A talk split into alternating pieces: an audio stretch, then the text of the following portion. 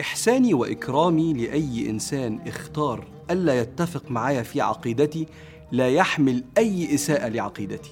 بل الإساءة الحقيقية أن أسيء لمن اختلف معي في عقيدتي. لأن الوحي الشريف قرآن وسنة نزل على سيدنا رسول الله لصناعة نفوس مسلمة تحمل الرحمة والحق والخير والجمال لكل الكون مش بس للبشر. وللبشر كلهم مش فقط للمسلمين. وما دام من يخالفني في العقيدة لا يحمل علي السلاح فهو أخي. سواء كان شريكا في الوطن نحو نحيا سويا بالعهد والأمان والكفالة أو معاهدا بروح لغاية وطنه أنا ويديني التأشيرة يعني عهد الأمان مني ليه في وطنه أو مستأمنا جاي الوطني وإحنا ادينا له تأشيرة يعني يعيش في أمان وسطنا طول ما هو معانا. لأن ربنا سبحانه وتعالى بيقول إن الله لا يظلم الناس شيئا ولم يقل لم يظلم المؤمنين شيئا. والله سبحانه وتعالى كفل لكل إنسان موجود في هذه الدنيا الإكرام. أما الآخرة فيكرم ربنا سبحانه وتعالى من يكرم ويهين من يهين وهذا في علم الله.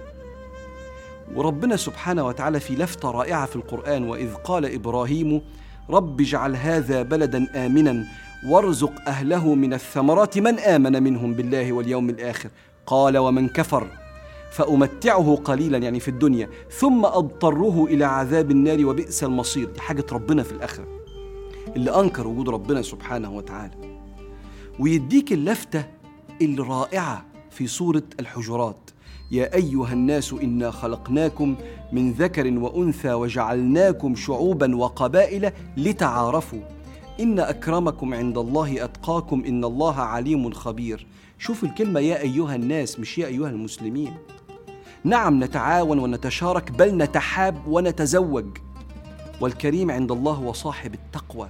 عشان كده الإمام القرافي في كتاب الفروق وهو فقيه مالكي بعد كلام طويل عن إزاي تعيش مع واحد غير مسلم في بلد واحد وبينكم حقوق مشتركة قال فمن اعتدى عليهم أي على غير المسلمين فمن اعتدى عليهم ولو بكلمة سوء أو غيبة في عرض أو أي نوع من أنواع الأذية أو أعان على ذلك فقد ضيع ذمة الله يعني عهد الله وذمة رسوله وذمة دين الإسلام.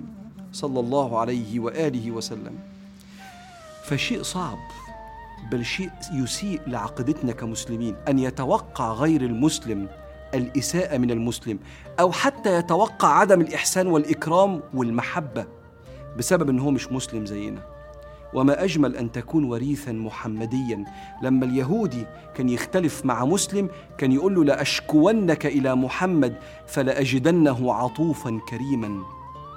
وربك يقول للنبي وما أرسلناك صلى الله عليه وسلم وما أرسلناك إلا كافة للناس بشيرا ونذيرا ولكن أكثر الناس لا يعلمون. وأنت هنا في الدنيا موجود بعد النبي.